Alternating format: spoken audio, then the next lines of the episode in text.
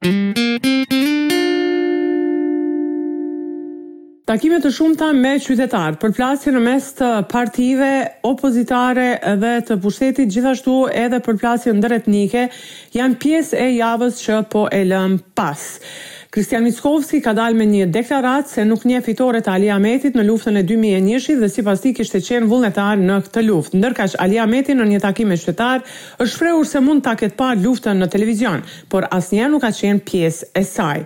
Në anën tjetër, Aleanca për Shqiptarët ka mbledhur kryesinë e partisë në Tetovë për të biseduar për zhvillime politike mes të cilave edhe formimin e grupit negociator për hyrje të mundshme në qeveri. Ky grup do të jetë i autorizuar të zhvillojë takime me partitë në koalicion qeveritar gjatë periudhës së mundshme për të matur pulsin e tyre për zgjerim eventual të shumicës. Siç bëhet e ditur, ata kërkojnë Ministrinë e Informatikës shëndetësisë dhe drejtësisë dhe disa drejtori të mëdha. Megjithatë, Arben Taravari është shprehur se nëse hyjnë në qeveri, do të sigurohen tetëdhjetë deputetë dhe ka shpresa për ndryshime të mundshme kushtetuese. Në të kundërtën, duhet të shkohet në zgjedhje të parakohshme parlamentare. Kryeministri Kovaçevski ka mbledhur apo do të mbledhë partnerët e koalicionit disa prej të cilëve janë shprehur kundër zgjerimit, kurse disa kundër shtimit të ministrave shqiptarë në ekzekutiv. Vendimin për të filluar ose jo negociatat, partia e Arben Taravarit e pret e shumta deri në fund të javës së ardhshme. Për më tepër ndjekim deklaratën e tij. Neve shumë me rëndësi është do ta organizojmë referendumin brendapartiak. Javën e ardhshme anëtari i Aleancës, ai që na ka përkrah, ato njëmbëdhjetë mijë e pesëqind anëtarë që na përkrahin, Ato do të folin a duhet a s'duhet, në qoftë se ato na thonë duhet, absolutisht as që diskutohet, në qoftë se ato na apin sinjal me një përqindje më të madhe se gaboni, edhe pse ka pro et kontra, kemi bisedu me anëtarësinë, po tash na duhet që ta verifikojmë atë.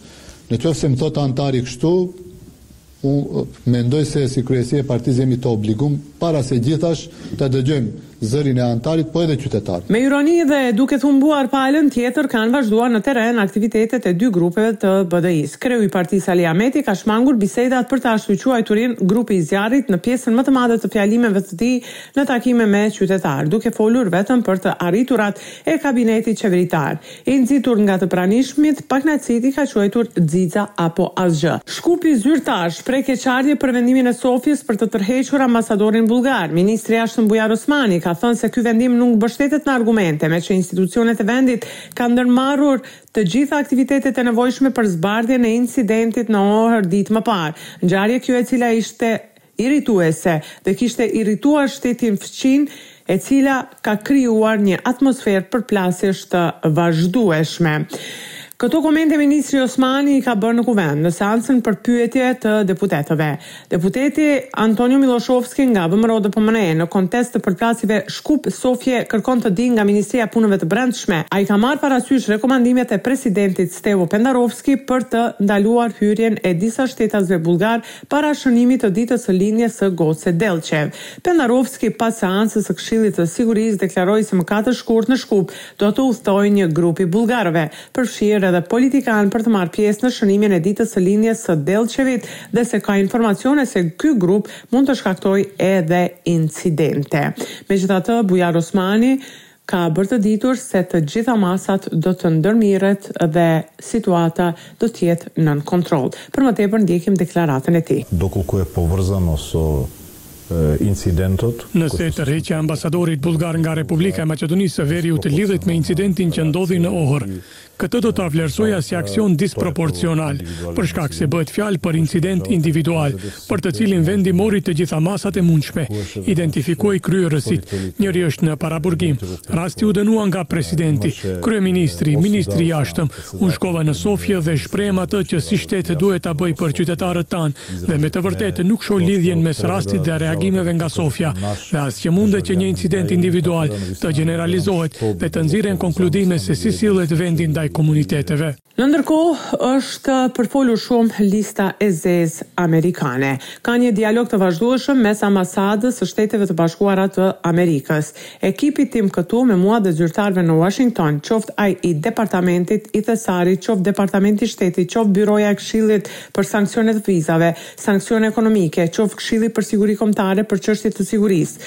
Kështu që ky është një proces i vazhdueshëm që shqyrton sanksionet e përshtatshme për persona të caktuar që varen nga ligjet dhe rregullat të cilat ata i kanë shkelur, gjë që do të bënte që Shtetet e Bashkuara të Amerikës të mos duan më që ata të hyjnë në atë shtet, ose sanksione financiare, ka thënë Angela Ageler, ambasadore e Shteteve të Bashkuara të Amerikës në Maqedoninë e Veriut. Mendoj se të gjithë e kemi të qartë se ka disa çështje brenda sistemit të drejtësisë. Lista jonë e sanksioneve nuk është e limituar vetëm brenda një sektori. Sanksione ka ndaj njerëzve të biznesit të cilët është zbuluar se kanë qenë të përfshirë rregullisht në aktivitete të korruptuara brenda kompanive dhe bizneseve të tyre. Kështu që nuk është e limituar vetëm për zyrtarët e zgjedhur, por edhe në gjyqësor, në sektorin e sundimit të së drejtës dhe të biznesit, ka thënë ambasadorja Ageler. Në të njëjtën kohë, në çdo takim me qytetarë, lideri Ali Ahmeti ka bërë thirrje që ndaj të gjithëve të ketë screening, ndaj të gjithëve të bëhen hetime dhe të luftohet me çdo kusht krimi dhe korrupsioni. Për radion SBS raporton nga Republika e Maqedonisë së Veriut, Besiana Mehmeti.